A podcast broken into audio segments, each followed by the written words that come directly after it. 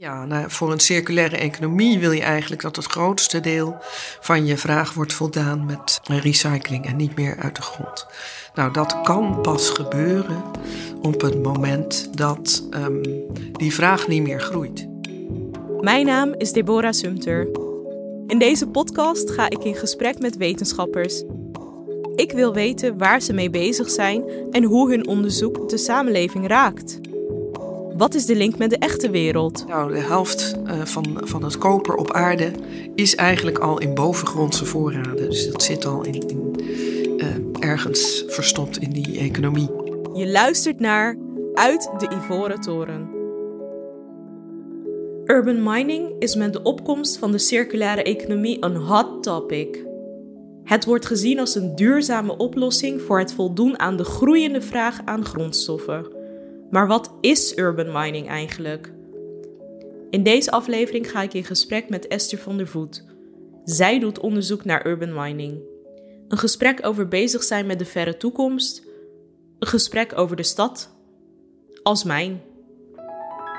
Esther van der Voet. Um, ik werk eh, bij de faculteit Wiskunde en Natuurwetenschappen, Centrum voor Milieuwetenschappen, afdeling Industriële Ecologie. We hebben in de vorige aflevering al gehoord dat industrieel ecologen zich bezighouden met de stofwisseling van de maatschappij. Het is een veelomvattend concept. Je zou het kunnen beschouwen als de, de interface tussen economie en milieu. Het beschrijft de economie, maar in termen van um, uh, stromen, van stoffen en um, van uh, energie. En als zodanig uh, ja, kun je zeggen van nou, wat er in de economie gebeurt, dat heeft consequenties voor die materiaalstromen en, en energie. En dat op zijn beurt heeft weer um, gevolgen voor het milieu. En het is dus niet um, per se daarmee zo dat, dat om de milieudruk omlaag te krijgen, dat we de economische groei eruit moet. Maar um, uh, je kan dus ook van alles doen op die interface, op het vlak van die interface. Ja. Door een zuiniger gebruik van materialen, energie-efficiënter uh, gebruik van allerlei producten. Dus. En dat is um, ja, zeg maar het object van de industriële ecologie. En daar doen wij onderzoek naar. In deze aflevering onderzoeken we de urban mine, oftewel de stad als mijn. Maar wat moet ik me daarbij voorstellen? Je luistert nu naar een kort fragment van een uitzending van Tegenlicht uit 2015 over urban mining. Aan de Schelde, onder de rook van Antwerpen, ligt het bedrijf Umicore. Het is 113 hectare groot. Er werken zo'n 1600 mensen en ze bedrijven mijnbouw. Het is een uiterst gestructureerd en efficiënt bedrijf. Ze delven zeldzame metalen, van goud, platina en lithium en zilver tot minder zeldzame als koper en lood. Ze graven echter niet in de grond. Als ze al graven, doen ze dat in bergen elektronisch afval, waaruit ze de metalen recyclen. Deze nieuwe vorm van mijnbouw wordt aangeduid als urban mining. Geschat wordt dat nu al 30 tot 40 procent van de wereldvraag naar zeldzame metalen gedekt kan worden. Hier begint het wel een beetje als een mijn eruit te zien. Ja, alleen wij gaan naar boven, niet naar beneden. De persoon aan het woord met het Vlaams accent is Thierry van Kerkhoven van het bedrijf Umicore. Een bedrijf dat zich heeft gespecialiseerd in urban mining. Urban mining gaat ervan uit dat hetgeen dat wij gebruiken in onze steden, in onze gezinnen, dat we dat inderdaad eigenlijk niet gaan weggooien. Maar dat we dat eigenlijk opnieuw gaan omwerken, opnieuw gaan recycleren. Dat we eigenlijk opnieuw een soort mijnbouw op gaan doen. Ja. En dat staat dan in contrast met eigenlijk de, de, de normale traditionele mijnbouw, waarbij men een put in, in, de grond graaft, om het zo te zeggen, uh, soms twee, drie kilometer diep, om er inderdaad eigenlijk delfstoffen uit te halen. Die in de praktijk meestal van een veel armere concentratie zijn, van een lagere concentratie aan goud, aan zilver, aan koper, dan hetgeen we eigenlijk uit onze urban mines kunnen halen. Een, een gsm-toestel, een, een mobieltje, daar heb je eigenlijk per ton ongeveer een 300 gram goud in zitten. En dat is natuurlijk een veelvoud van de, het gouderts. En de goudconcentratie in de gouderts van 2, 3, 4, 5, misschien 10 gram per ton. Want hoeveel elektronisch afval, eh, mobieltjes en computers, wordt er jaarlijks geproduceerd? Op jaarbasis uh, zitten we momenteel bijna aan een 2 miljard mobieltjes die verkocht worden. Ja. Op jaarbasis, wereldwijd? Op, op wereld, wereldwijd, ja. Ik denk dat het afgelopen jaar 1,9 miljard was die grootorde. Maar natuurlijk als de tendens zich verder zet, zal het heel gauw eigenlijk de barrière van 2 miljard uh, stuks per jaar passeren. Um, je hebt al, al jarenlang het bedrijf Umicore in, um, in Antwerpen. Daar kun je je oude telefoon kwijt en uh, die recyclen dan. En die, die halen daar dan uh, die kritische materialen weer uit. Ze zitten al, volgens mij kunnen ze al 19 verschillende van die elementen weer terugwinnen. Dat was vroeger een mijnbouwbedrijf met een uh, slechte naam, dus die, die gingen bijna over de kop. En die hebben echt zichzelf um, heruitgevonden als uh, urban mine bedrijf. Dus dat vind ik een, een heel goed voorbeeld. Uh, hier in Nederland heb je sinds een paar jaar ook een bedrijf, New Horizon, die um, um, zich bekommeren om uh, sloopafval uit uh, gebouwen dus. En die kijken dan, nou kunnen we bepaalde onderdelen zoals deuren of, of uh, façades of, of kozijnen, kunnen we die weer kwijt in nieuwe gebouwen. Dus die stellen zich dan op als een soort van broker, een tussenpersoon tussen die sloopbedrijven en bouwbedrijven die dat weer opnieuw kunnen gebruiken. Urban mining wordt vaak in dezelfde adem genoemd samen met circulaire economie. Is dat terecht? Ja, nou urban mining is um, een behoorlijk uh, nieuw veld. Het gaat uit van het idee dat uh, we toe moeten naar een um, uh, circulaire economie.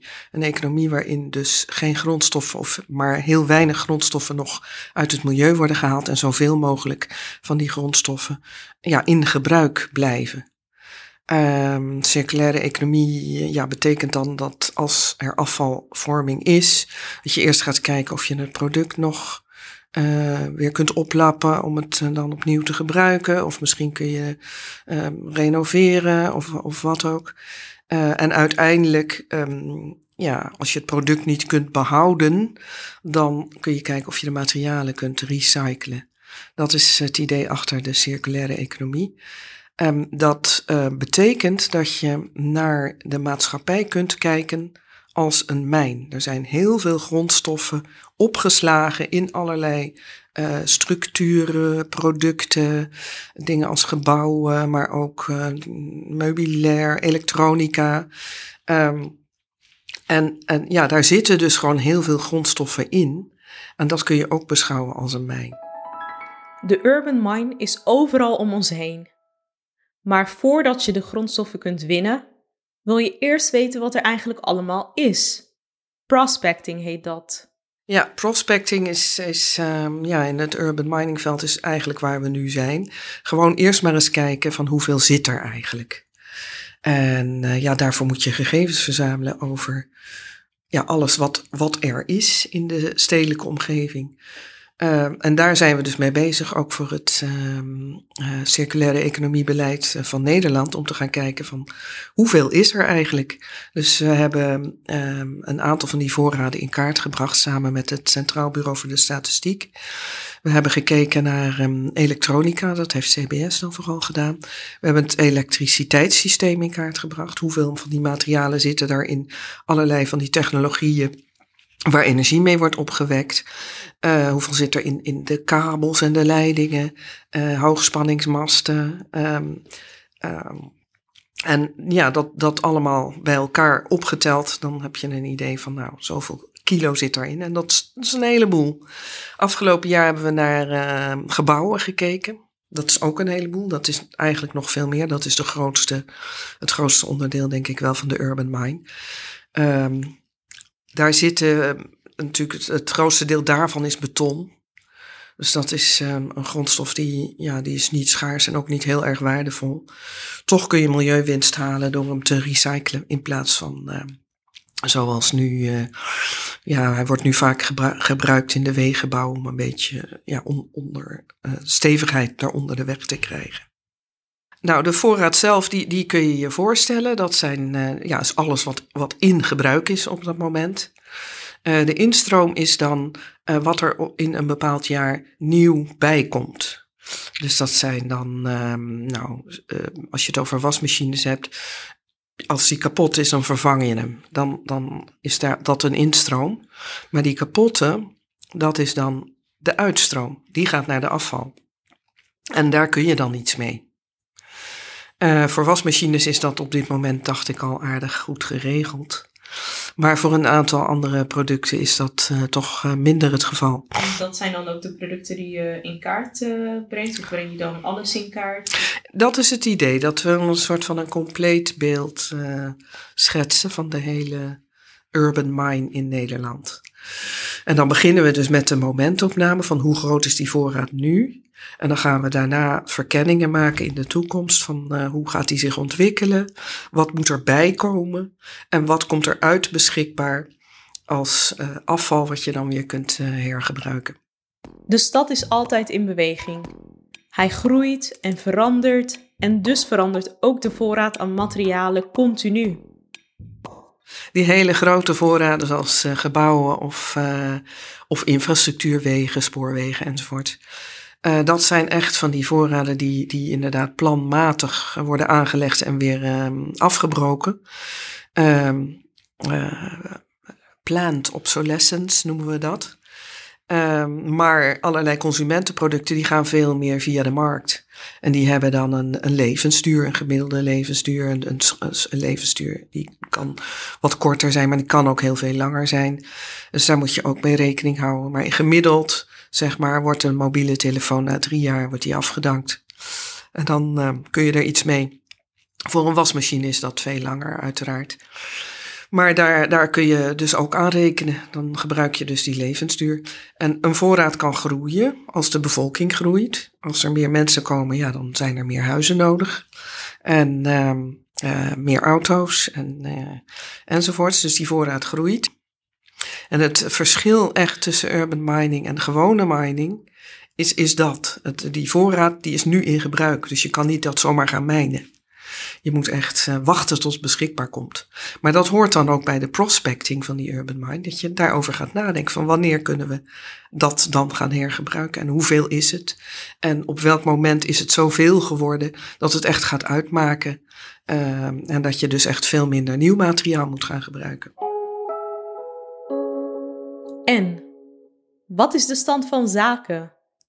Weet Esther hoe groot de materiaalvoorraden zijn die zich bevinden in de urban mine in Nederland? Ja, zoals wij nu uh, daarnaar gekeken hebben, blijken dat toch om hele grote hoeveelheden materialen te gaan.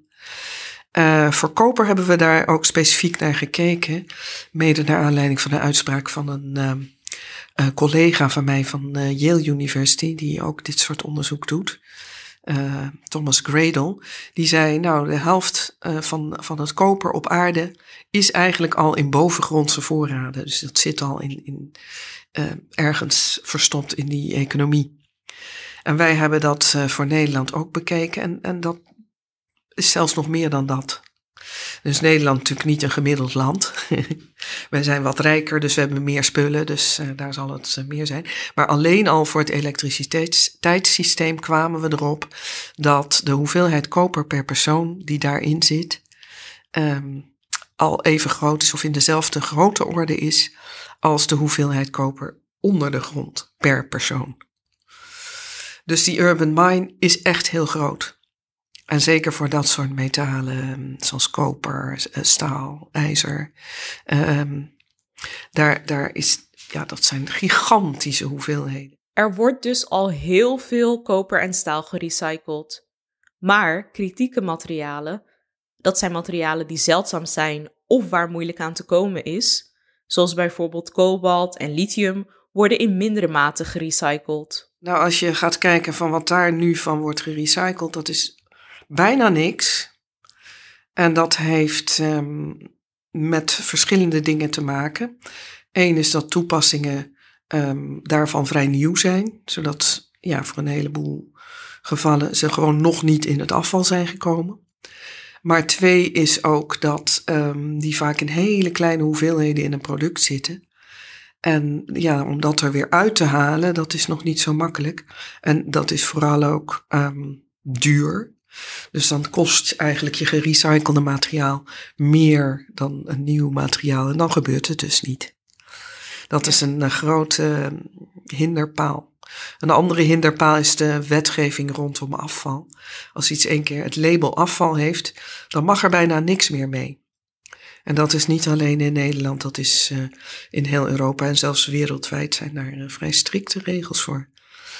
En um, ja, dan moet je daar weer omheen en, en dat is lastig en daar heeft niemand zin in. Zeker niet als het ook nog eens een keer niet zoveel opbrengt. Dus dan, dan, ja, dan doe je dat gewoon niet. Maar dat is um, ja, wel iets waarover nagedacht moet worden. Van hoe, los je dat op? Moet die wetgeving anders worden? En moeten er uh, financiële incentives komen? Een, heffing bijvoorbeeld op grondstoffen. Of misschien een heffing op um, CO2. Dat is iets wat ook kan helpen uh, om, om die secundaire productie op gang te krijgen. Als je naar metalen kijkt, dat zijn heel energie-intensieve materialen. Het kost een hoop energie om ze te maken. En daar met die energie gaan natuurlijk CO2-emissies uh, gepaard. Um, als je ze recycelt, dan, ja, dan hoef je heel dat proces van die mijnbouw en die refining, hoef je niet opnieuw door te gaan. Dus de, het energiegebruik is dan veel lager en de uh, CO2-emissies ook. Dus ja, zelfs een, een CO2-heffing kan helpen om um, uh, dat, die recycling goed op gang te brengen wanneer we onze omgeving meer en meer als mijn gaan beschouwen? Wat zijn daarvan de gevolgen? Kunnen we nog wel in de stad blijven wonen als er constant gegraven wordt naar nieuwe materialen? We hebben nu ook afval en dat wordt ook ingezameld. En um, dan zijn er andere mensen die dat afval inzamelen. Het is niet zo, je moet je niet voorstellen dat ineens de stad vol met uh, um, akelige industrieën komt te staan. Waardoor uh, de vervuiling weer toeneemt. Dat zal ongetwijfeld niet hier gebeuren. Dat is wel een uh, van de, ja, wat mij betreft, uh, misverstanden die je vaak ziet. als je het hebt over circulaire economie. Het hele idee dat alles lokaal moet worden hergebruikt. Dat, dat kan natuurlijk niet en dat, dat is ook helemaal geen goed idee. Dat moet veel grootschaliger. Dus uh, uh, circulaire economie is, geen lokaal ding. Dus wij krijgen niet allerlei fabrieken in de stad ineens. Die staan gewoon netjes op industrieterreinen.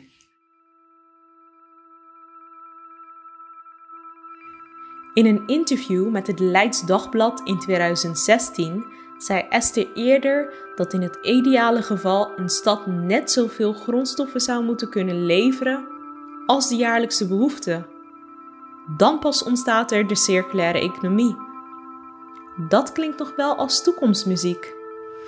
Het punt is natuurlijk, uh, uh, ja, nou, voor een circulaire economie wil je eigenlijk dat het grootste deel van je vraag wordt voldaan met uh, recycling en niet meer uit de grond. Nou, dat kan pas gebeuren op het moment dat um, die vraag niet meer groeit. Want anders blijf je achter de feiten aan hobbelen. Hè? Die vraag die groeit. De hoeveelheid afval, ja, daar zit een vertraging in. Die soms wel 50 jaar kan zijn, omdat die, de producten waar het in zit um, zo'n lange levensduur hebben. Maar 50 jaar geleden was de vraag veel lager. Dus de hoeveelheid die in het afval komt is echt heel veel lager dan de vraag nu. En dat moet dus bijhalen. En dat kan alleen als de vraag gaat afvlakken. Nou, dat is nu nog echt niet aan de hand. Um, het is wel iets waarvan ik verwacht dat het gaat gebeuren. Um, ten eerste moet dan gewoon de bevolking niet meer zo groeien. En dat is iets wat je in, in scenario's voor de toekomst wel ziet. Dat daar rekening wordt gehouden met de stabilisatie van de wereldbevolking. Dus dat gebeurt, ja, als het goed is vanzelf. Alleen niet vandaag en ook niet morgen. Dat gaat nog een, eh, paar tientallen jaren duren. En dan moet um, ja, de, de vraag naar spullen moet ook stabiliseren. Dus dat per persoon je niet steeds meer en meer wilt hebben. En ook dat is iets uh, wat vanzelf wel optreedt. Ik bedoel, als je rijker wordt, hoef je niet nog een wasmachine. Dus ja, dat, dat, uh, dat stabiliseert op een uh, bepaald moment. Dat heet stock saturation. Dus als die twee dingen gebeuren, ja, dan kan, kan het aanbod van uh, tweedehands materiaal kan, kan uh, bijtrekken naar het niveau van de vraag toe. En dan kun je echt die circulaire economie realiseren. Maar dat duurt nog wel een poos. Het schatten van de grootte van voorraden vergt dus een blik op de horizon. Hoe is dat eigenlijk om onderzoek te doen naar iets dat nog zo ver in de toekomst ligt? Ik vind dat zelf super interessant. Het is echt, uh, ja, uh, in mijn tijd gaat het waarschijnlijk niet meer gebeuren. Dus het is echt iets wat, wat uh, voor de volgende generaties is. Maar het is wel een, een beeld uh, wat je in je hoofd kunt houden voor, voor ja, een, een mogelijke toekomstige duurzame samenleving. Dus ik vind het heel mooi om daarmee bezig te zijn. Het is wel, um, ik kan me voorstellen dat dat niet voor iedereen prettig is om te denken, te denken over tijden um, nadat je zelf er niet meer bent. Maar ik vind dat juist heel mooi. Ja. Je ziet dat um, veel hè, bij mensen die uh, scenario's uh, doorrekenen en nadenken over de toekomst, dat ze graag willen proberen om die toekomst zo nauwkeurig mogelijk te voorspellen. Nou, dat moet je volgens mij nooit doen. Want als er één ding zeker is over die toekomst, is dat wat voor voorspelling je ook maakt, het gaat niet zo gebeuren. Er zijn altijd dingen die, die opduiken en die onverwacht zijn en die, waardoor de wereld toch een hele andere kant op gaat ineens. Dus wat veel zinvoller is dan, dan proberen te voorspellen, is om um, verschillende uh, richtingen proberen te verkennen. En dan hoef je dus helemaal niet druk te maken over uh, onzekerheden en hoe realistisch is dat. Dat is helemaal niet het punt van die toekomstverkenningen. Je kan gewoon eens wat uitproberen. Van stel nou, um, ja, we gaan naar een volledig circulaire economie toe in de toekomst. Uh, weet ik veel wanneer. Maar wat maakt dat dan uit voor bijvoorbeeld CO2-emissies? Nou, dan zie je dat toch echt enorm veel uitmaakt. Dus dan weet je, het is de goede richting. Je moet in ieder geval die kant op. Um, en, en zo kun je er ook naar kijken van nou, what-if scenario's. Stel nou dat dit of dat zou gebeuren. Wat zouden daar dan de consequenties van zijn? En dat is heel zinvol, ook al weet je heel zeker dat dat niet zo gaat gebeuren. Het in beeld brengen van materiaalvoorraden kan dus helpen om meer grip te krijgen op de kansen voor een circulaire economie. Maar het is pas de eerste stap van een lange weg richting de transitie. De urban mine in kaart brengen is uh, stap 1. Uh, stap 2 is kijken hoe ontwikkelt hij zich in de toekomst en wat komt eruit, wat kunnen we verwachten aan, aan de afvalkant. En dan is stap 3, wat kunnen we daarmee? En die is nog niet gezet, maar die moet gezet worden. En dat kan, kunnen wij niet alleen doen, want daar heb je heel veel technische kennis voor nodig. Dus dan moet je uh, materiaalontwerpers en productontwerpers moet je erbij halen. Er moeten ook dingen echt gaan veranderen in de manier waarop producten worden ontworpen, zodat je ze makkelijker uit elkaar kunt halen. Um, en daarmee makkelijker nou, bepaalde onderdelen kunt hergebruiken, maar ook makkelijker uh, bepaalde materialen weer kunt uh, recyclen. En dat is uh, expertise, die hebben wij hier niet, maar bijvoorbeeld wel bij de TU Delft. Ik vraag tot slot aan Esther wat haar call to action is. Wat is er nodig om haar onderzoek een stapje verder te brengen? Ik zou eigenlijk, want dit is dus heel erg maatschappijgestuurd onderzoek al, um, willen zeggen van waar meer behoefte aan is, is dat dit ook verankerd raakt in uh, wetenschappelijke uh, gremia zoals MWO. Die hebben af en toe wel een programma waar dit soort onderzoek in past, maar um, niet, zit niet in hun standaard gebieden. Dus dat betekent dat voor de standaard subsidies dat wij heel vaak gewoon uh, daarnaast strijpen omdat we nergens in passen. Industriële ecologie is, niet eens een van de disciplines daar en dat, dat zou echt moeten veranderen. Want dan krijg je ook dat je voorstellen niet alleen maar worden gelezen door mensen die daar niks van af weten. En dan dus grote kans lopen om, uh, om afgewezen te worden. Dat is echt een punt. Dus uh, ja, de maatschappij wil wel. Ja. Maar de wetenschap nog niet zo erg.